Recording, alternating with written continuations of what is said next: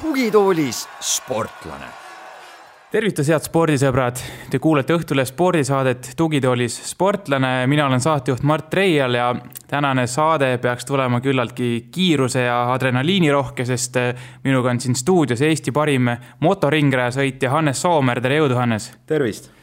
no samal ajal, kui see saade eetrisse läheb reedel, ehk siis äh, sina oled juba Hispaanias äh, Jerezi ringrajal, kus käimas siis äh, World Supersport sarja kuues etapp alustame taustsüsteemist, paneme nagu kuulajate jaoks paika, et kus see sari asetub motospordi hierarhias, sest me teame kõik MotoGP-d kindlasti, aga, aga kus see nagu paikneb, kui kõva tase see on? see motoringraja maailmas on nagu, eksisteerivad siis kaks paralleelset sarja, on MotoGP ja on World Superbike mm. -hmm. Nad on äh, sama organisatsiooni omad, Dorna omab neid mõlemaid. ja, ja nad ongi, nad mõnes mõttes nagu konkureerivad, mõnes mõttes nad ei konkureeri. Nende erinevus on see, et MotoGP on täiesti prototüüpide võidusõit, ehk siis eh, selliseid mootorrattaid, MotoGP mootorrattaid on täpselt nii palju, kui telekas näha on. et neid ei ole mitte ühtegi rohkem, okei okay,, tehases mõni, aga selles mõttes neid tehakse ainult selle MotoGP jaoks. samamoodi Moto2 ja Moto3, need on küll mõned rahvuslikud sarjad, aga need on täiesti ehitatud võidusõidumootorrattad Superbike'i pool on äh, äh, kõik mootorrattad on siis ehitatud sellistest mootorratastest, mida iga inimene saab tänaval osta. umbes äh, võrdlus sama nagu vormel, MotoGP on vormel, World Superbike on kereauto ehk siis igasugune DTM, GT autod, nägu, noh, see näeb välja samasugune nagu, nagu tänavaautod, inimesed saavad samastuda mm. -hmm. aga omas, noh, omas siis selles kategoorias, Superbike'i kategoorias äh, see, on see kõige kõvem sari või on midagi veel ülevalpool? Superbike'i, Superbike enam kõvemaks ei lähe, kui on super, World Superbike ehk siis maailmameistrivõistlused, seal on äh, vahepeal Superbike'ist GP-sse läheb sõitjaid, GP-st tuleb Superbike'i sõitjaid. aga sinu sari on supersport? supersport, see, midagi... see ongi, see ongi siis võrdne Moto2-ga mm -hmm,. okei okay., see on nagu siis üks nii-öelda. üks tase enne tippu. okei okay,, no ikkagi päris kõva tase, see no. ei ole mingi naljatase. no eriti viimastel aastatel on see läinud kuidagi, kuidagi väga, väga nagu ühtlaseks see tase ja et kui noh, mõned aastad tagasi küll mootorrattad olid väga kiired, just näiteks kaks tuhat kolmteist, neliteist eh, mootorite arv näiteks superspordi klassis oli vaba, võisid, noh, oligi nii, et eh, tipptiimid panid iga nädalavahetus uued mootorid Neil oli võidusõidumootor ja trennimootor ja võidusõidumootor siis kestiski mõned sajad kilomeetrid ja siis visati minema. et see aasta on meil viis mootorit on üldse kogu aasta peale, millega me peame siis, peame neid ringluses hoidma ja, ja kuidagi, kuidagi manageerima, aga aga ringiajad on praegu kõik, järjest sõidetakse rekordid üle, on ju, et rohkem tänavale tänavamootorratastele lähedasemad mootorrattad sõidavad oluliselt kiiremini, kui sõitsid mõned aastad tagasi, siis eh, palju rohkem tuunitud ja rohkem forsseeritud mootorrattad, et see tase, sõitjate tase ja, ja kõik see on läinud nagu palju ühtlasemaks ja see on arenenud kõvasti. et kui moto, Moto2-ga võrrelda, siis eh, ühtepidi on Moto2-s küll vahed siis esimese viieteistkümne, esimese kahekümne vahe nagu siis esimese koha ja kahekümnenda koha vahe on väiksem. aga see esikümme on ikkagi, on superspordis ka nagu, nagu väga-väga kõva, et see, äh, mis on natuke, mis on nagu halb superspordis, on see, et mootorrattad erinevad palju rohkem kui MotoGP pool mm. -hmm. Moto2-s on, äh, mootoritootja on sama, ehk siis kõigil on täpselt sama mootor ja tehke nii hea raam kui võimalik. Äh, superspordis on see, et see siis Honda, millega mina sõidan, see mudel tuli kaks tuhat seitse aastal. raam ja mootor ei ole kahe tuhande seitsmendast aastast muutunud. et on tulnud mingi natuke tuled teised ja väike facelift ja, ja noh, mingi jutt, aga tegelikult on täpselt sama mootorratas, on ju. kui Yamaha tuli mõned aastad tagasi uuega välja et see, sealt tuleb see mootorrataste vahe on nagu palju suurem kui, kui näiteks Moto2-s. Mhm, no jõuame selle mootorini ka siin äh, mõne aja pärast, et räägime sellest hooajast paar sõna, et nagu ma ütlesin, kuuendale, kuues etapp nüüd siis parasjagu nii-öelda sel nädalavahetusel käib, et äh, siiamaani esi, esimese viie etapi jooksul sa oled kolm korda kukkunud ja siis on sul kirjas veel kümnes, üheksas koht, mis on siis noh, nii-öelda soliidsed punktikohad.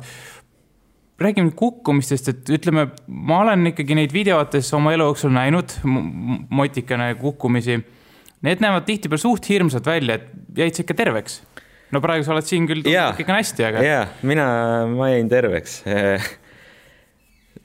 turvavarustus mootorrattavõidusõidus on selline, et mulle tundub, et mõni hetk on mootorrattaga ohutum kukkuda, kui autoga avarii teha. võidusõidus küll, sest mootorrattaga sa lased selle mootorratta minema. Kui sul hästi läheb, sa libised mööda maad, jääd seisma, tõused püsti, jooksed edasi.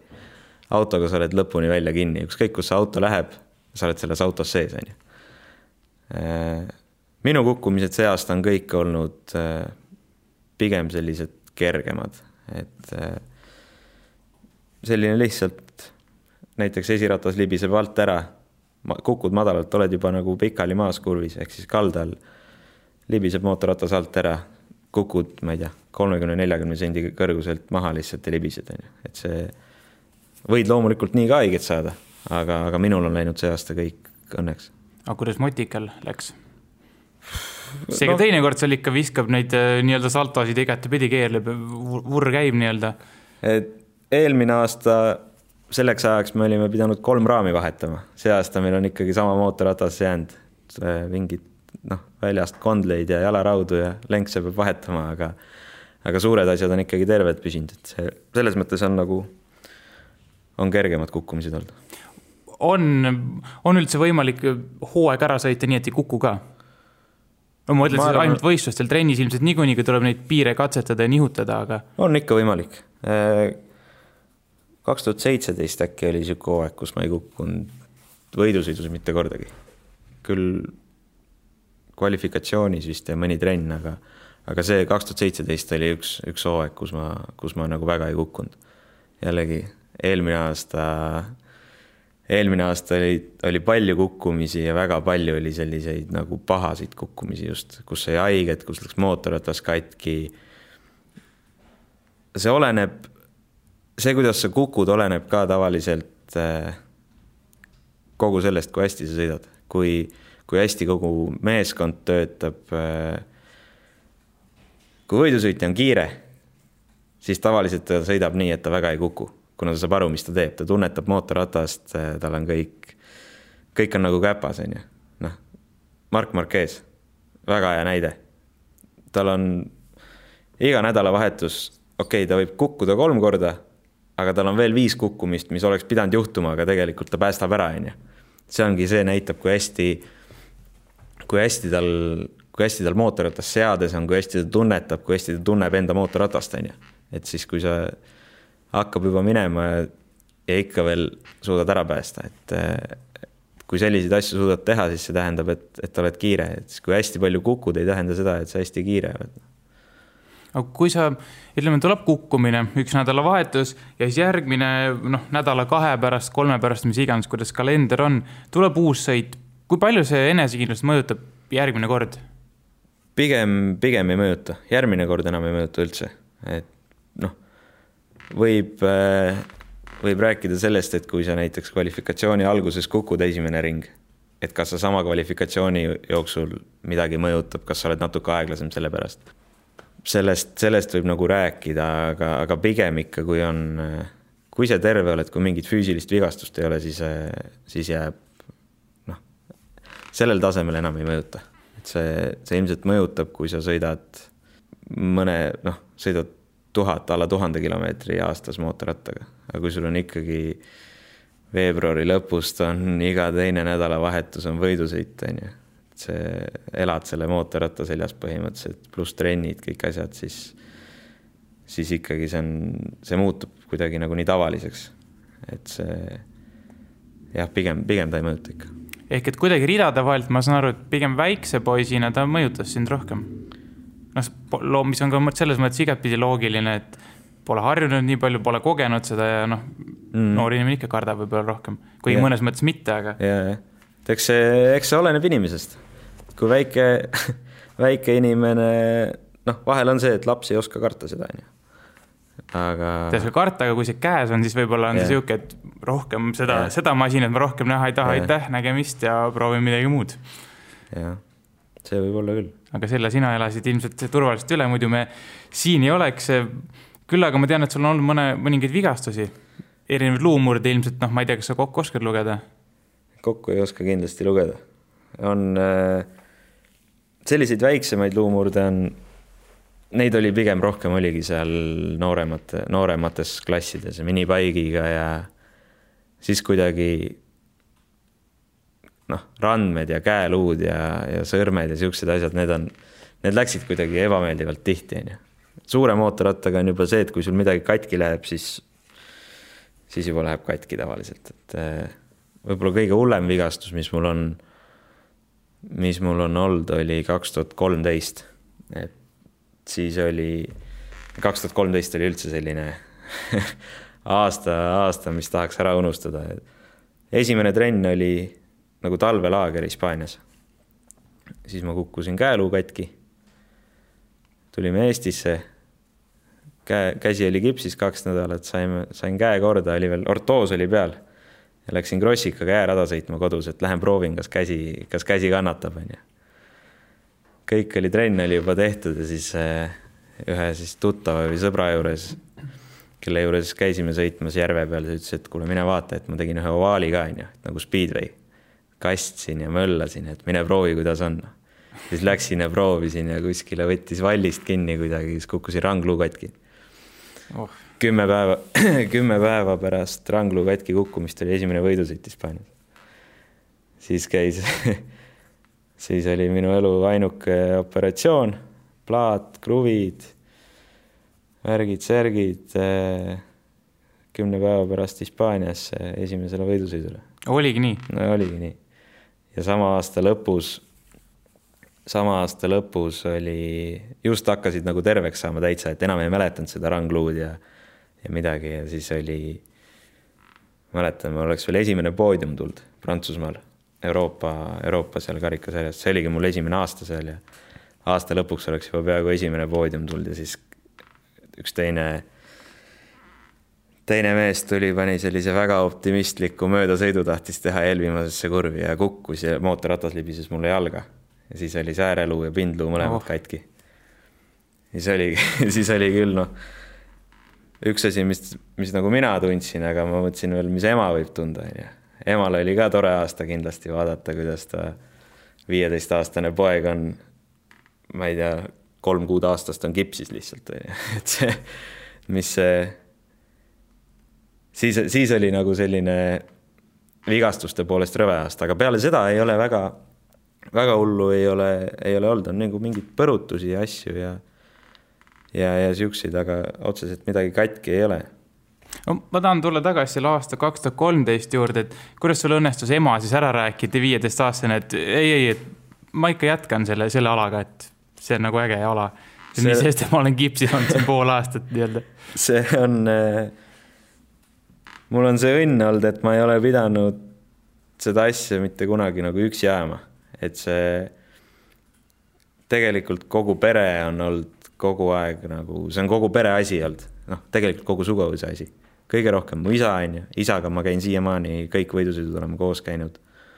Äh, mõnikord noh, ma arvan, kümme võistlust kõikide aastate jooksul, kus isa ei ole saanud tulla, siis oleme emaga käinud. aga see ongi kogu, kogu suguvõsa, e-, pere, kõik, kõik elavad nagu kaasa, kõik on, kõik saavad aru, miks ma teen, on ju. see ei ole see, et Hannes tahab teha ja olgu ta siis võib teha, et see on pigem ikkagi, pigem ikkagi selline jah, noh, pereasi on ju. ehk et ei olnud sellist, selles mõttes kriitilist momenti nii-öelda? ei, ei, ei olnud, võib-olla isal oli, aga mind, mind sinna ei kaasatud igal juhul. okei, aga ütleme, kui need on traumad olnud sellised tõsisemad, sa ütlesid, et kukkumine muidu, muidu nagu okei okay,, järgmine kord lähed starti, pole midagi, aga, aga pärast seda kui sa oled ikkagi tõesti paranenud mingist luumurrust, kas siis on mingi psühholoogiline tõrge kuidagi võib-olla natukene paned kümme kilomeetrit tunnis nii-öelda vähem seda kiirust või, või midagi sellist, noh, alateadlikult. eks seal võib midagi ikka olla, eriti kui sa lähed kohe tagasi. aga peale seda jalaluumurdu mul oli ka, oli nagu talv vahel, kevadel hakkad ikkagi nagu puhtalt lehelt natuke, onju. eriti, eriti sellel ajal, kui, kui hooaeg algas aprillis, onju. et siis sul on nagu niisugune kolm kuud, noh, tegelikult isegi pool aastat, onju pool aastat on aega taastuda, trenni teha, siis noh, alguses sa tunned joostes ka seda, et sa ei taha niimoodi, sa ei taha nii väga joosta, kui sul jalaluu katki on olnud. ja kui sa juba jooksmise korda saad, siis sa unustad samamoodi ka selle mootorrattaga sõitmise ajal ära mm. -hmm. kui suureks praegused tsikliga kiirused küündivad seal ringrajal? noh, oleneb ringrajast, aga ütleme, kui on niisugune hea mõnus pikk sirge. meie kuuesajane läheb umbes ma arvan, kakssada seitsekümmend, võib-olla kuskilt allamäge kakssada kaheksakümmend on ju no see on, see on ropp kiirus, ütleme arvestades, kui ma mõtlen ise, et noh, ma olen nagu nii-öelda autojuht lihtsalt, et tsikliga pole sõitnud. hirmu ei ole seal ringrajal üldse? ei ole, ma arvan, et Pärnu maanteel oleks see hirm, on ju. või no kindlasti oleks see hirm. et see kuidagi, kui sul on rada on kaheksateist meetrit lai, siis see ei tundu, see kiirus nii suur pluss, kui kõik sõidavad nii kiiresti, pigem sa seda kiirust ikkagi ei tunne. ei taju nagu nii hästi. sa ei saa, ja just ei taju, sa ei saa sellest aru, sellest kiirusest, kui, kui, kui suur ta tegelikult on, ja, ja noh, eks teine asi on, on mootorrattad ja, ja kogu see turvavarustus annab ka kombe, kindad, saapad. ma arvan, kui mul üks neist asjadest, kui mul seljakaitset kombe all ei ole, siis mul juba on nagu sihuke ebameeldiv, siis ma tunneks, nagu ma oleks paljas, onju et siis, siis ei taha, ei taha nii kiiresti sõita. kõik see, oled nagu seal mullis sees, siis ei, pigem ei ole, ei ole nagu küll sellist hirmu või, või tunnet, on ju aga kuidas seal on võiduse, võidusõidu ajal, et on nagu puhas adrenaliin või, või, või mis nagu toimub nii-öelda keres ja peas? kujutan ette, et mõistus, mõistus on tegelikult päris terav. Mõistus on kindlasti terav äh, noh, selline, ma ütlen, et üleinimlikult terav nii-öelda võrreldes noh, kasvõi praeguse momendiga, et kuidagi noh, ekstra nii-öelda aju on ennast rohkem kokku võtnud, ma kujutan ette. see oli eh, just eelmine nädal, üle-eelmine nädal. millalgi mul oli, me läksime Pärnusse trenni. see oli just nagu pull näide täpselt sellest samast asjast. Läksime Pärnusse trenni ja, ja ma olin kuskilt lõunat söönud nii, et oli toidumürgitus. Noh, aga seda ma sain alles nagu hiljem, hiljem sain aru, onju, kui koju jõudsin aga hästi sihuke nõrk tunne ja, ja noh, istusid ja sihuke natuke tuikusid silme eest udune onju. no sihuke nagu rõve olla ikka, palavik ja kõik, kõik värk. ja siis, aga me olime juba Pärnusse sõitnud ja noh, nagu arutasime isaga, et kas, kas on mõtet onju, tegelikult ei ole, ei ole mõtet riskida ja. siis ma ütlesin, et okei okay,, aga ma lähen teen paar ringi ära onju, ma lähen proovin, kui hull on. Tõmbasid kiivri pähe, mootorratta peale istusid, sõitsid boksist välja täiesti korras, terav, jõud olemas, kõik asjad korras. kõik täiesti, tunned ennast nagu täiesti tervena mm. Lähed, sõidad need kolm ringi ära, tuled boksi tagasi, astud mootor, mootorratta pealt maha ja istud maha, siis on jälle sihuke olla, et, et noh, kukud kohe pikali, onju. aga see hetk, kui oled mootorratta seljas, tegin, ma tegingi nagu päeva ära, tegin, tegime oma tööpäeva ära, kõik testitud, kõik info käes, aga bussi pakkida ei jaksa, mootorratast bussi lükata ei jaksa aga sõita võin. aga isa ei mõelnud, kuule poiss, mis sa jamad, et tahad nüüd siin viilida pakkimisest ja? ei, ei ta sai aru see oli, ma olin ikka peaaegu nädal aega pikali pärast seda. see oli päris, päris rõve, aga see oli nagu pull. aga see on müstiline tegelikult. see on, see on tõesti müstiline, samamoodi on lapsena, nagu minipaigis ma mäletan, kui oli, mõnikord läksid, olid eh, kevadel õues olnud ilma, ilma jopeta, siis nohu samamoodi kaob ära siis, kui sõidad. muidu on nii, et nina jookseb midagi teha ei saa, kogu aeg pead pühkima. võidusõidu ajal küll ei tule niisugust tunnet, et peaks nina nuuskama hakkama. See on ka kuskil, kuskil püsib seal sees. no mulle tundub, et siin ikkagi praegu selle saate ajaloo esimene meditsiinirevolutsioon, et kõik inimesed, kes te olete haiged, piisab minna ringrajale ja kõik hädad saavad lahendada. ainult jama on selles, see on ajutine, et samal ajal ei saa justkui midagi, noh, millegi muuga ei saa tegeleda, aga enesetunne on hea vähemalt. ma ei tea, kas ma nüüd selle avastuse eest päris mingit arstipaberit annaks endale kuule, aga kui sa, ütleme neid kukkumisi tuleb sellise lühikese perioodi jooksul palju ette, need võidusõidud, bossid kutsuvad vaibale ka või? Ikka, kutsuvad küll jah. Äh, eks see, eks see oleneb, oleneb natuke kõik ka, ka lepingutest on ju, kes nende kukkumiste eest maksab. aga, aga on ikka äh, see. eks kõik tahavad head tulemust, eriti, eriti praegu mul on ikkagi väga head inimesed ja väga sellised, kõik inimesed, kes minu meeskonnas on, ei tee seda sellepärast, et nad peavad tööle tulema, nad teevad sellepärast, et me, me oleme üks meeskond, me teeme ühe asja eest tööd, on ju. Nad nagu võitlevad minu nimel. siis, siis ongi, et kui mina nagu noh, enne seda Imola sõitu oli neljast kolm oli kõhuli läinud, on ju. siis oli küll korraks sihuke, peale Asseni võidusõitu oli sihuke väike vestlus seal meeskonna veokas, et see on, see on meil nagu raske, raske olukord on ju, kui me tuleme selle mootorratta juurde tagasi, aga, aga siis oligi see, arutasime läbi, et praegu oleme selles olukorras, kus pigem peame lõpetama, kui et nagu kõik saavad aru, et, et et mina tahan rohkem ja meeskond tahab rohkem, aga meil lihtsalt ei ole võimalust, on ju, et me, me peame pigem lõpetama kümnendana, kui proovime olla eespool. kui kurvis külili, noh. ja kõhuli, jah no sa oled siin ise ütelnud ka aprilli alguses, et umbes kümme kilomeetrit nii-öelda tippkiirusest on puudu, et, et seal esiotsas võidelda. noh, siin enne oli juttu, eks, et sul on see kaks tuhat seitse aasta mudel sisuliselt, see Honda et mõtlen, kas on, ongi siis nagu paratamatu, et praegu sul on selline, selline masin ja, ja, ja sirge kiirusel sul ei olegi midagi teha või siin annab nagu nüüd kuidagi tuunida selle aasta hooaja jooksul, et, et nii-öelda tegelikult kuskil tehases või no ütleme, kuskil võistkonna nii-öelda garaažis praegu kogu aeg töö käib etappide vahel? Ta on, noh, ta on ikkagi kaks tuhat kaheksateist mudel on ju, ta lihtsalt on, ta lihtsalt ei ole, midagi ei ole arenenud selle ajaga, selles mõttes raam ei ole meil kümme aastat tagasi või noh, kaksteist aastat tagasi tehasest välja tulnud, on ju. aga lihtsalt nagu sisu on sama või tähendab selles mõttes, et tal on noh, lihtsalt see disain ja kõik. disain on sama, disain on kõik sama. ja see ei ole halb, raam, juhitavus, no uskumatu, on ju. Mingid, mingid sektorid ongi, mis on tehnilisemad sektorid olnud radadel. Asseni esimene sektor võidusõidus, ma olin esimene. esimene sektor on, ma arvan, et maailma üks tehnilisemaid, on ju kus on, äh, ongi kurv kurvi otsa, esimene kurv tuksi läheb, sul on kogu sektor tuksis, on ju. ja, ja sellised, sellised sektorid, samamoodi Aragon, samamoodi Tai, Austraalia, niisugused aeglasemad sektorid, ma olen kogu aeg kuskil viie sees, kolme sees, noh, mõnikord satub esimene, on ju. ja siis tuleb sirge sektor, sirge sektor on neliteist. Noh, ma, ma no seda ei ole võimalik nii aeglaselt sõita puhtalt sõiduga, on ju. et seal on äh, loomulikult mingil määral on, mingi väike erinevus tuleb sellest, et kui, kui sul on kõrval kuuekümne kilone, kuuekümne kilone klusell, kelle sääremari on peenem kui minu ranne, on ju, siis äh, noh, sellest kaalust tuleb väike erinevus, aga see ei ole kümme kilti, see ei ole kindlasti kümme kilomeetrit. et see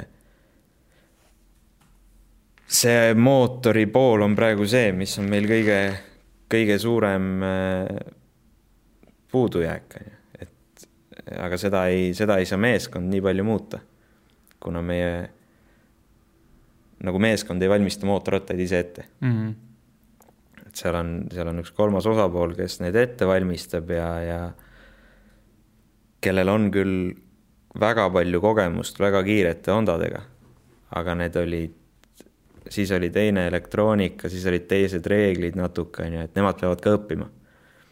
ja, ja, ja nüüd see siis uu-, see aasta on tulnud uus elektroonika, millega harjumisega ongi, noh, tegelikult on kõik Honda meeskonnad soos, on ju, me ei ole ainukesed. meie kõige suurem õnnetus on see, et me oleme esimene Honda pidevalt. siis, kui meie lähme midagi, midagi nõudma või midagi kaebama, siis meile öeldakse, et aga mida te, mida te vingutate, olete esimene Honda, on ju mhm et oleks me, oleks me tagapool, siis meil oleks õigust nõuda midagi.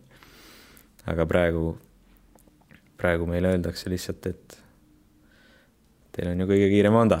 olge no,, kui... olge, olge õnnelikud, see kusjuures... Honda ongi nii halb, on ju. kusjuures mulle just tundub selles mõttes vastupidi, et teil just võiks olla ju rohkem õigust nii-öelda nõuda, et näed, et noh, muidu oleks ju see, et kuule, teil on nagu siin, ma ei tea, neli Hondat on veel ees, et katsuge kõigepealt nagu nendest jagu saada no,, mulle tunduks nagu teistpidi loogiline. ma mõtlengi pigem nõuda nagu siis meie sellelt partnerilt, mitte, mitte korraldaja poolt. sest korraldajal on, korraldaja on väga avatud tegelikult, et öelge, mis teil vaja on Hondale, et te oleksite konkurentsivõimelised. Äh, see siis nagu Honda Honda esimene arendav meeskond on tegelikult see CIA Landlords on ju, see, kus on Sebastian ja Danilo. meie ei ole nagu see, meie ei ole nagu see meeskond, kes, kes nagu esindab marki siis igal pool tehnilistel koosolekutel on mm -hmm. ju. ja, ja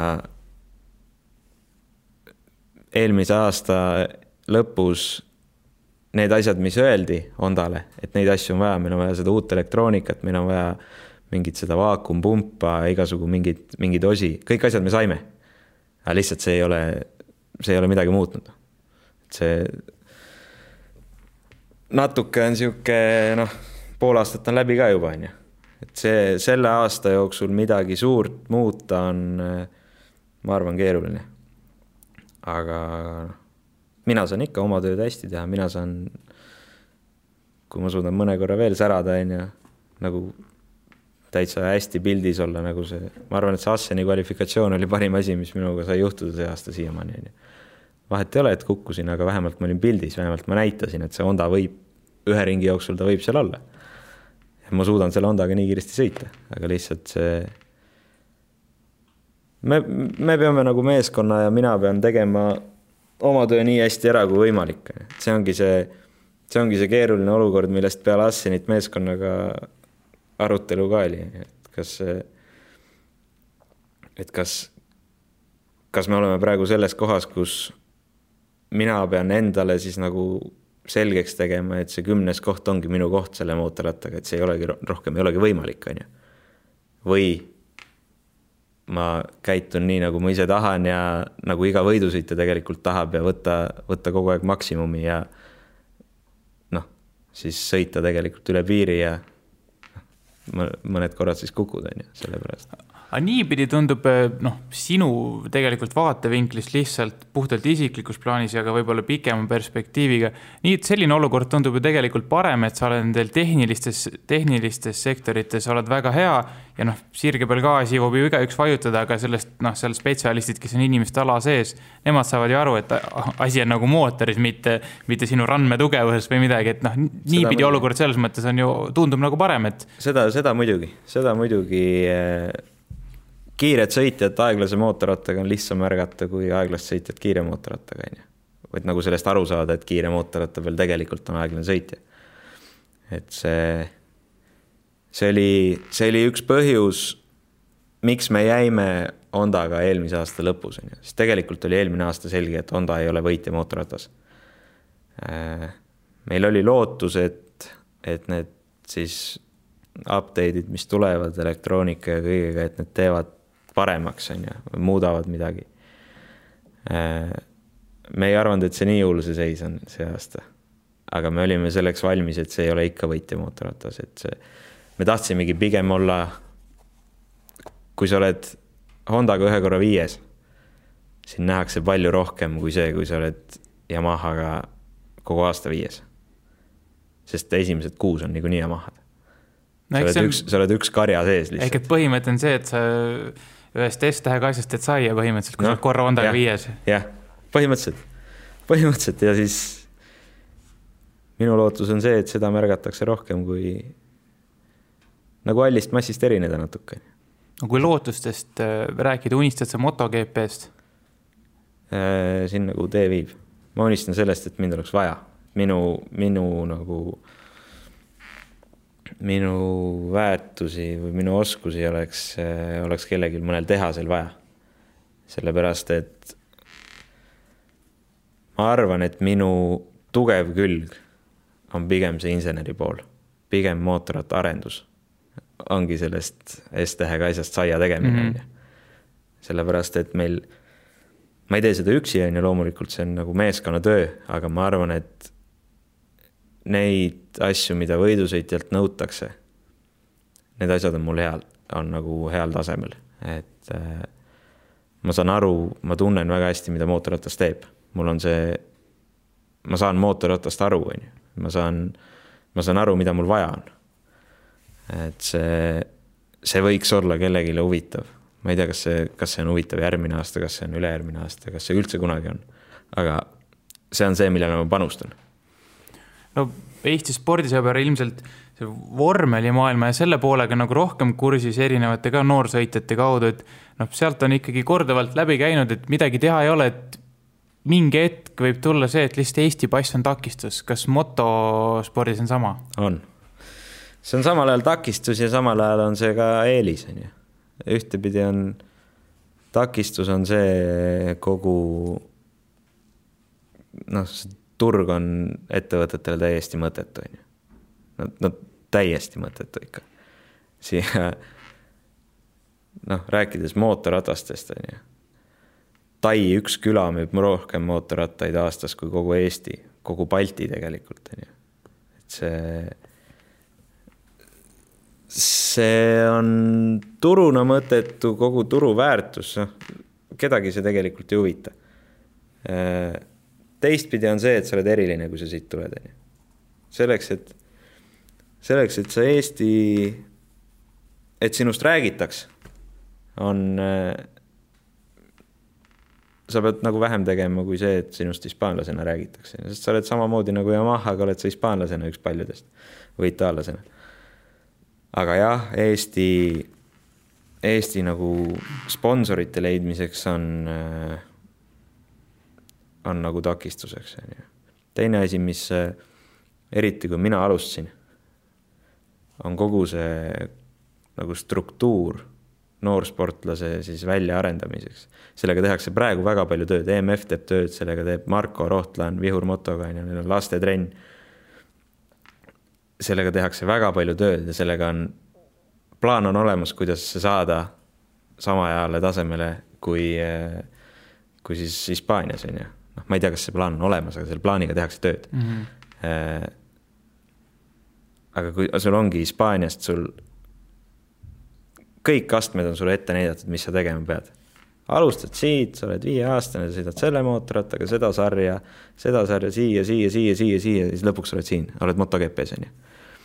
Äh, kui mina alustasin Eestis, seda struktuuri ei olnud mitte mingit minu esimene võidusõit oli Saksamaal, kaks tuhat kuus aasta lõpp, mis ma olin kaheksa-aastane. Läksime isa ja emaga Saksamaale.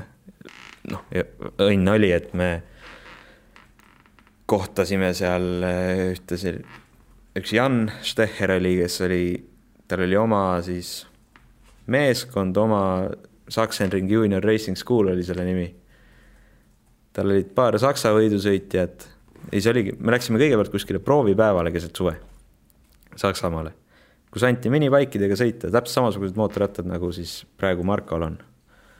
Hondad, väiksed viiekümnesed olid mul, praegu vist on sajased, neljataktilised, aga anti proovida ja, ja siis see Jan, kes seda päeva tegi, kellest pärast sai siis, ta oli väga pikka aega minu treener ja, ja minu nagu siis meeskonnajuht see vaatas, et gaasikäsitlus või nagu gaasikäsitlus ja kõik kuidagi, endal mul jalad maha ei ulatanud, aga siis ma sain ikkagi oma tiirud ära teha.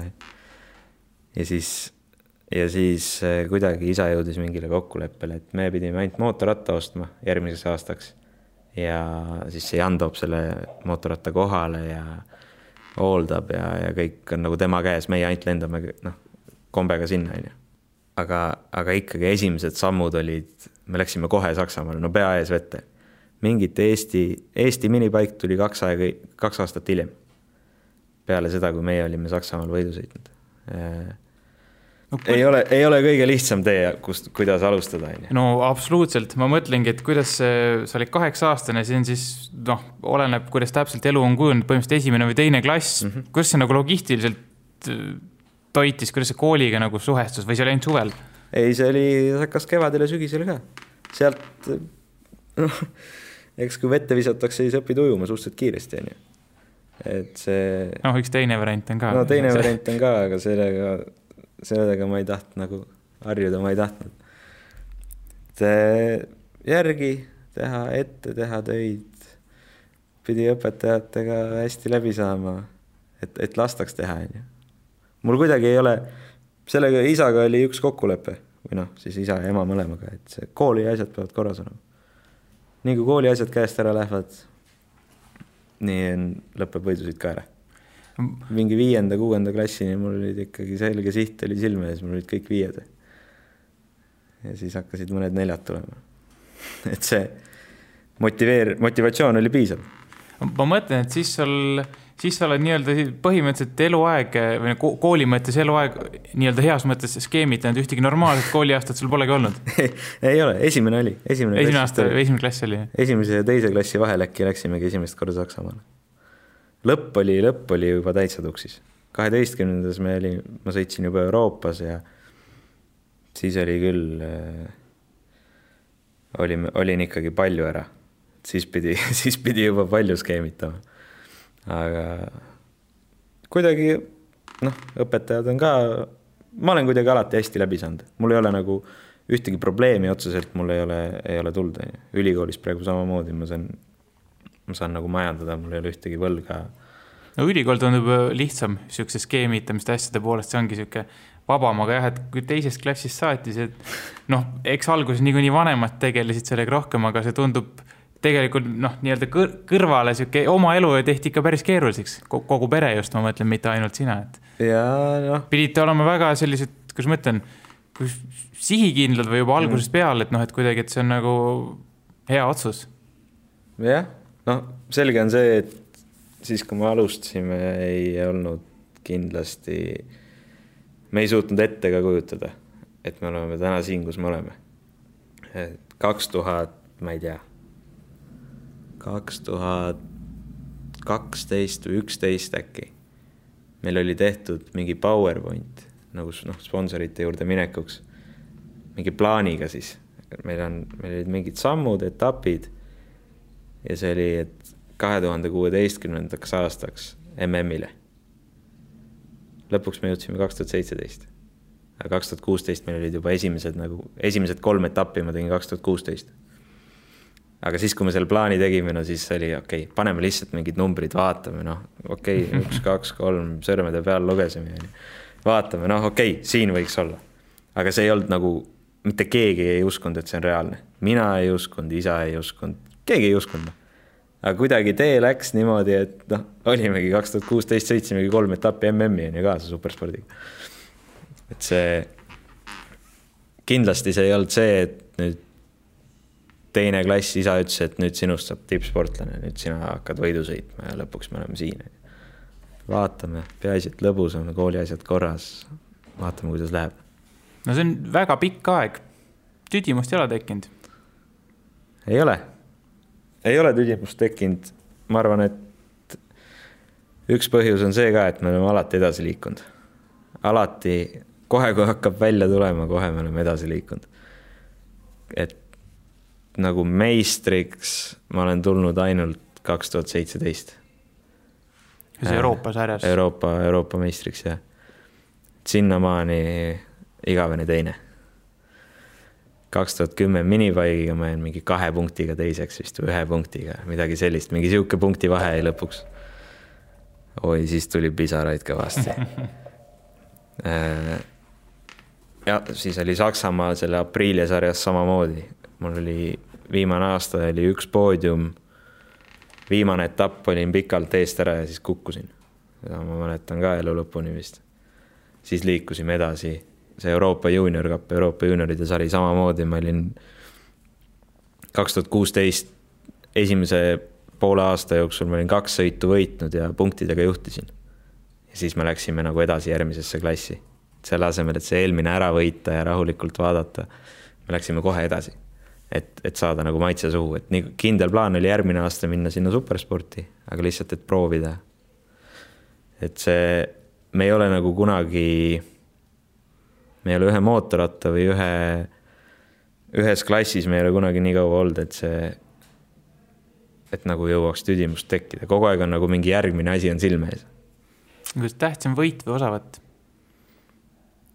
võita tahaks ka ikka taha, noh, aga võita tahaks seal, kus, kus see võit eh, kogu aeg tahaks seda järgmist võitu. et see, kui praegu mõtled, siis see, mis see minipaigi võit mul oleks andnud, on ju. pigem ma, kui mul on valida, kas ma tahan olla Saksa minipaigi meister või superpaigi maailmameister, siis ma vist võtaks enne selle superpaigi maailmameistri tiitli sõidad sa siis äh, mootorrattaga võidu nimel või on seal mingisugune noh, muu, muu põhjus tegelikult, et see on äge, ma ei tea, adrenaliin, noh, mis iganes sinna vasta. no isa ei sunni, see ei ole, see ei ole, keegi käseks. seda meile meeldib nalja teha, et see, isa, kaua ma pean veel võidu sõitma aga see, see on, see on õnneks ainult nali eks see on kõik koos, see on kõige ägedam spordiala, mida teha minu arust, on ju. üldse kõige ägedam asi, mida riided seljas teha, on ju, et see äh, ma olen kuidagi nii kaua sõitnud selle mootorrattaga ja mul see, see on nii elu osa kuidagi. loomulikult ma tahan võita, väga tahan võita. ja, ja selle nimel nagu selle nimel käib see töö ka, aga sellest peab ka aru saama, et selleks, et võita, peab natuke aega mitte võitma, on ju. kui sa oled kohe, kohe esimese, esimene päev võidad, siis see ilmselt ei ole väga, see edu jääb nagu lühikeseks. sa ütlesid, see on kõige ägedam asi üldse maailmas. seleta kuidagi lahti, et noh, mina kaasa arvatud, ma arvan, paljud ei ole sõitnud mootorrattaga, et miks see nii äge on? vot nüüd seda nime ei oska anda sellele või nagu seletada ei oska. see on. võib-olla peab proovima. ma tean, noh, igaühel on see erinev ka ilmselt see asi, mis, mida meeldib teha, on ju. et see näiteks kindlasti mõnele inimesele meeldib väga suusatamine. minule see ei meeldi. aga ma saan aru, et kellelegi see meeldib, samamoodi meeldib mulle mootorrattaga sõitmine, et see ja iga inimesele meeldib, igale inimesele meeldib oma asi ja sellega tuleb nagu, tuleb see asi leida. sa oled õnnelik inimene, kui selle leiad, ma arvan. kui seal pundiga sõidate, kui hirmus olelusvõitlus seal käib? mida kõrgem tase, seda hullem. no praeguses sarjas, ütleme. oi, kõik tahavad ära süüa sind lihtsalt see oli äh, üks päris suur muutus, mis, äh, millega pidi harjuma peal nagu esimestel sõitudel üks asi on kindlasti see ka, et oma nagu enesekindlus. kui sa oled kaheksateistaastane poiss, on ju, ja sa lähed maailmameistrivõistlustele, kus sul on kolmekümneaastased, kahekümne viie aastased, äh, mõni on veel vanem, on ju. Nad kõik on seal olnud juba no väga noh, tükk aega on ju enamus. siis kuidagi panna iseennast sellesse kohta või nagu panna iseennast nii valmis et sa oleks, et sa saaks minna ja, ja võtta neid kui omasuguseid. see on, see on üks asi, mis võttis aega, see harjumine. et praeguseks on loomulikult on nagu noh, ma saan aru, et ma olen täpselt sama hea mees kui nemad, on ju. seal ei ole mingit seda, mingit aukartust või sellist. aga alguses esimene aasta oli ikkagi noh, start ja esimene kurv ja esimesed, esimesed ringid pidi ikka noh, kaotasin kohti esimesed aastad nendel, nüüd siis esimestel ringidel. puhtalt olid seda kuidagi nii-öelda alalhoidlik? just, alalhoidlik ongi see õige sõna, sellele ei aita kaasa e rahvus ka, et see kuidagi see noh, eestlane on ikka sihuke, et mis nüüd mina, onju. aga sellega ei, sellest pidi suhteliselt ruttu üle saama, kui, kui tahad kuskile jõuda, et ikkagi ainult, ainult enda eest väljas. kui nüüd juhtub, et eh, kas sina ise põhjustad kellelegi teisele kukkumise või vastupidi, noh, sina kukud kellegi teise pärast, sa ei ise midagi teha, lendab see motikest sisse, mees ise, mis iganes, noh, sa mingit asja kirjeldasid ka, vana juhtumit kas siis läheb sel teinekord ütlemiseks ka? võib minna küll. minul ei ole, minul ei ole kunagi läinud. ma olen nagu sihuke, noh, ei ole mõtet kraaksuda, on ju, ega seda olukorda korda ei tee. aga seal ikka läheb äh, kõik need, kõik need kolmekümneaastased, kes on hispaanlane, kes prantslane, kes itaallane, on ju. Neil läheb kohe käima. Nad käituvad nagu kaheteistaastased ikka mõni päev. Seda on nagu naljakas kõrvalt vaadata, et see, see kuidagi jah, see, see temperament on neil nii, nii kuidagi karm, et sellega on, on raske harjuda, isegi kõrvalt on naljakas vaadata mis on hea motosõitja kõige tähtsam omadus?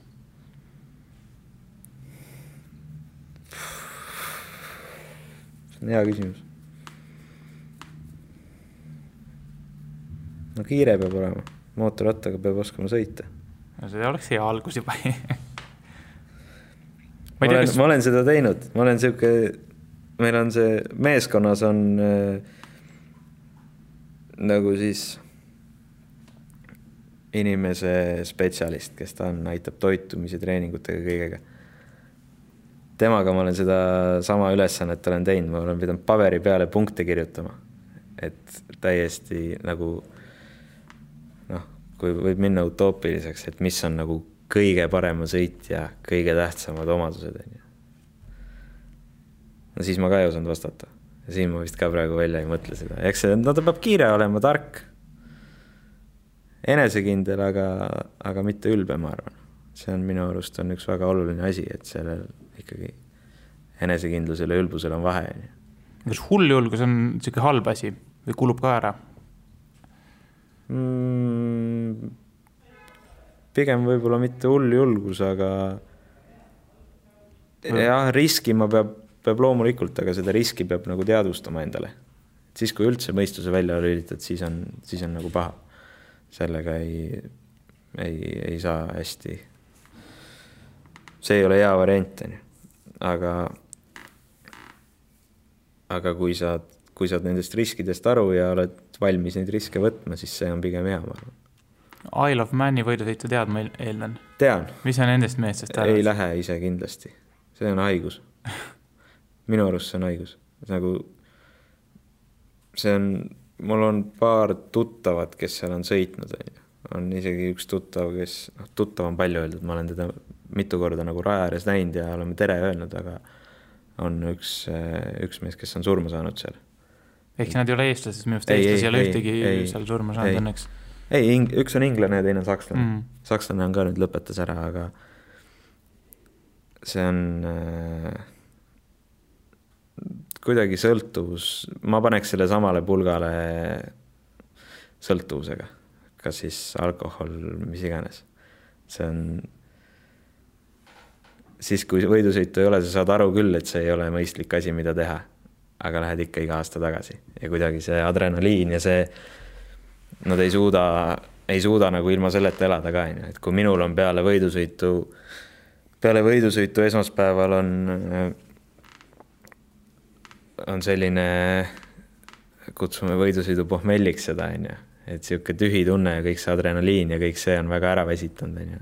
esmaspäev ikkagi läheb taastumiseks tavaliselt lihtsalt emotsionaalselt. siis seal Isle of Mani sõitjatel pidi see olema ikkagi kümneid kordi hullem, et need pidid täitsa depressioonis olema nädal aega peale seda, seda võidusõitu, kui lihtsalt nagu ongi see tühi tunne kuidagi ja see noh kui sul on nädal aega järjest, on see, et sa oled kogu aeg, on see, et sa võid kohe surma saada. siis kodus diivanil istuda, telekat vaadata vist. suht igav. võib päris suur hüpe olla. küsin veel, ütleme siin ühe targa teema toome sisse ja siis ma enne, kui ma küsin paar võib-olla sellist lapsikumat küsimust ka, aga kas ja kuidas sa treenid kahe võidusõidu vahepeal? sest meil võidusõidutsikkel ei ole ju sul siin Eestis. ei nii palju kui võimalik, ma üritan mootorratta peal olla. mul on äh, tänu Eesti Honda äh, maaletoojale ja, ja auto kakskümmend neli ring ja üldse kõik minu toetajad on ju, et see, mul on nagu see võimalus, et mul on üks Honda Superbike Eestis, tuhandene, millega ma saan Pärnus treenida nii palju, kui ma tahan auto kakskümmend neli ringil. no Pärnu on päris kaugel.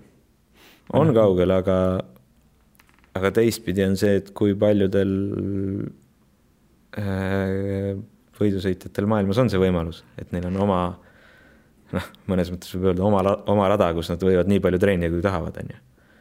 Tito Rabat on MotoGP sõitja, kelle isa ehitas talle kaks ringrada, kuna vist juveeli ärist tuleb nii palju peale, et ei ole kuskile panna raha, aga aga palju neid ei ole, et see võimalusena see, et sul on saja viiekümne kilomeetri kaugusel täiesti Euroopa tasemel nagu ikkagi kõrgel tasemel rada. ja sa saad, noh, mina saan seal eh, treenida. see on ikkagi väga, väga hea võimalus, on ju. ja siis, kui, siis kui mootorrattaga ei ole, siis teen teisi asju, mida sportlased teevad mm. -hmm. ma mõtlengi seda mootorratta poolt, et aga see on siis ühesõnaga, noh, täpsemalt on see vist Auduri ringrada, kui ma ei eksi, aga no ühesõnaga Pärnu kõrval, Pärnu külje all seal on, et kas see on siis nagu ainuke nii-öelda adekvaatne koht Eestis sinu, sinu taseme jaoks? jaa, kardiradadel äh, võib sõita väikse mootorrattaga, aga see ei ole. ei anna midagi enam. see väga ei anna midagi, et ma ei pea enam. Ma ei ole enam selles kohas, kus ma peaks õppima koonuste vahel mootorrattaga sõitmist puhtalt, on ju. kui ma juba mootorrattaga lähen sõitma, siis peab olema midagi, mida ma, mida ma konkreetselt proovin või, või treenin, et äh, üks asi on see lihtsalt nagu sõiduvormi hoidmine. aga selle sõiduvormi hoiab ükskord, kui ühe korra nädalas sõidad, siis on juba väga hästi, on ju. et, et äh, osa võidusõitjaid äh, ma näen, nad sõidavad iga päev kardiradadel väikeste mootorratastega, noh, kaks tundi hommikul, kaks tundi õhtul, on ju. ja nad ei ole mitte grammigi kiiremad selle pärast. et see, noh, see on minu arust nagu palju ja see hakkab juba ajudele, et see iga, igat asja tuleb mõistusega teha, on ju. et ei ole, ei ole mõtet nagu üle ka pingutada aga mis see, mis see annab sulle, kui sa kogu aeg nühid seda, sedasama ringrada, selles mõttes siin Eestis, et äh, ma mõtlen, mida sa saad seal nagu arendada, et sul lõppkokkuvõttes on ju see, et asi on väga lihtne, ring on sama, sul on see nagu peas, et sa oled siin auto kakskümmend neli ringil, noh, sa suudad seda ideaalselt sõita, et mis sul sellest lõppkokkuvõttes kasu on kuskil, noh, ma ei tea, Hispaanias, Hollandis, teistel ringradadel? Äh, teistel ringradadel on ainult, ainult see, kui sa ennast arendad, ehk siis ongi üks asi on see vormis hoidmine, kui sul on vahepeal pikem võistluspaus, näiteks ma ei tea, paar-kolm nädalat jääb vahele, et siis sa saad kuskil mootorrattaga sõita, ikkagi kiire mootorrattaga sõita, on ju. et siis sul noh, sa ei unusta ära päris, et äh, teine asi on see, kui, kui midagi on mootorrattaga proovida. ehk siis seadistust, mingeid uusi detaile. me teeme Eestis päris palju tööd äh, kuna mootorratas ei ole küll sama, on kuuesajane ja tonnine, aga Hondal on ikkagi geomeetria väga, väga sarnane kahele Hondale, on ju. ehk siis me, me proovime suhteliselt palju just, et loogikat leida, vedrustuse, teljevahe, iga, igasuguste seadistusasjadega. et leida iseenda jaoks saada loogikast aru. see teeb küll välismaal võistlemise lihtsamaks, kui sa tead ikkagi see, et kui sa paned taha kõvema vedru, mis mootorrattatundega juhtub, on ju. Mhm. või näiteks lihtsalt, et see, et see jah, just teha nagu endale see selgemaks, on ju. et ega kogu aeg on midagi juurde õppida, ega see mootorratas kahjuks ei ole nii, ühtepidi ta ei ole mingi, mingi nii keeruline asi, aga teist, teistpidi ta ei ole ta ei ole päris mustvalge ka, on ju. et äh, auto on võimalik vist ikkagi enam-vähem nii sõitma panna, et kiire võidusõitja paneb ta sõitma ja seadistab ära ja siis on, tuleb teine mees ja sõidab sellega ka kiiresti, on ju. kuna autos on äh,, autos on sõitja paigal, rihmadega kinni, keerab rooli, pedaalid, vahetab käiku, on ju. mootorrattaga on see, et kui sa istud viis senti tahapoole sa istud kaks senti tahapoole, sul on kogu mootorratta kaalujaotus täiesti noh, vastu taevast. alusta seadistamisega otsast peale. et see, see, et kõik need asjad nagu ära kaardistada, neid, nendest kõikidest aru saada, selleks on kilomeetreid vaja. aga, aga et mõttega tööd teha, siis piisab sajast kilomeetrist päevas, on ju, või sada kilomeetrit nagu üks kord, et sellega ei ole mõtet ei ole mõtet terve päev nühkida selle jaoks. no nagu lubatud, paar sellist lapsikut küsimust ka siia lõpupoole, et äh, kui kaua sa järjest tagarattal suudad sõita äh,? nii kaua, kui sirget on ikka, ma arvan. ta anna, anname sulle ette, sirge Tallinn-Tartu maantee läheb Tartusse ära. võib-olla Tartusse ei lähe, hea küll ma ei tea, mis, ma ei tea, mis no ühesõnaga väga palju. kõige, ma arvan, mis ma olen kõige kauem sõit, on Aragoni sirge. ma ei, ta vist kilomeetrit ei ole päris, see kaheksasada meetrit, seitsesada meetrit olen sõitnud. no sobib väga hea. teine asi, kõrvalt äh, mulle tundub üliebamugav see paigi istumisasend, kuidas nagu tegelikult on? minu jaoks on juba mugav. aga aga vist ei ole väga tervislik, nagu ma olen siin füsioterapeudilt ja täna käisin spordiarsti juures, et see tagasiside, mis ma igalt poolt arstidelt saan, on, et äh, keha on ikkagi siin kaheteist aastaga, mis ma olen mootorrattaga sõitnud, on natuke muutunud, nagu kuidagi ümber paagi kasvanud, on ju. kõik see küür ja õlad ees ja mm -hmm. kõik see hoiak, et sellega peab talvel teed trenni, et sa jälle selja sirgu saaks ja siis hooajaga jälle lähed tagasi, onju. et see, minul on ta juba väga mugav. ma pakin niimoodi, noh, suudan ennast kokku pakkida ka, ettepoole paindun väga hästi, onju, tahapoole nii hästi ei paindu. kuidagi noh, samamoodi nagu osa inimestele meeldib suusatamine, osa inimesi on väga hästi nagu kohanenud selle spordiala jaoks ka, onju mina olen kohanenud selle jaoks, et seal mootorratta peal niimoodi istuda ja kokku pakkida ennast. ma mõtlen, et see asend on ka selline, et põhimõtteliselt peaksid kuidagi, ka silmavaade on selline, et sa ju otse vaataks, sa näeks tegelikult ainult ju bensiinipaaki. et sa pead kuidagi vaatama siis nagu nii-öelda mm -hmm. silmad on ka kuidagi sellises mm -hmm. ebaloomulikus asendis kogu aeg. on küll, on küll ja kiiver on ka peas niimoodi, et sul tegelikult ikkagi no, alla sa vaadata ei saa, onju kiivri selle lõua ülemine äär on siis silmapiiri all. sa pigem vaatadki, vaatadki silmadega üles ja, ja pea kuklas ka, onju. see on, äh, ma ise pole seda nagu kõrvalt niimoodi või no ma pole tähelepanu pööranud sellele. tundub aga... väsitav lihtsalt, ega ma muud ei oska nagu arvata nii-öelda. jah, no minul on, äh, minul on seal ringraja mootorratta seljas ikka oluliselt mugavam istuda kui kui kuskil sirge seljaga näiteks matkamootorrattaga või midagi ja noh, tänaval sõita. see väsitab mind rohkem kui, kui nagu siis võistlusasendis olla, klaasi taga. mõned panevad rattal nime ka. on sul nimi ka rattal? ei ole pannud, mina ei ole pannud. kas tundub veider või, või? võib-olla ma pole sellist nime leidnud lihtsalt, mis vääriks mootorratta, mootorrattal olemist okei okay,, lõpetame niisuguse filosoofilise äh, tsitaadiga siin Valentino Rossilt, et äh, rattal on äh, hing ka sees, et ta pole lihtsalt tükk metalli, mis sa nagu sellest arvad? sellest ütlusest? kindlasti, võib-olla küll, selles mõttes, kui, kui äh, noh, mootorrattaga peab ikkagi hästi käituma, onju. kui seda ma usun, et see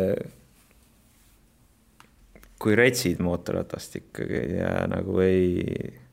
siis ta retsib vastu no,. küll ta retsib küll ta viskab sind seljast maha ka vastu ikkagi selle eest, ma arvan no selge, siis äh, kõik kuulajad, kes te ka mootorrattaga sõidate, ärge, ärge teda retsige, ta retsib teid vastu. selle mõttega siis lõpetame tänase saate. suur tänu, Hannes, sulle, et leidsid tunniks aega läbi hüpatasid meie stuudiost. soovime sulle palju edu Hispaanias ja loomulikult ülejäänud hooajaks äh, samamoodi kuulajatele egas muud, nautige Eestimaa suve, tehke sporti ja olge mõnusad. ja aitäh oh..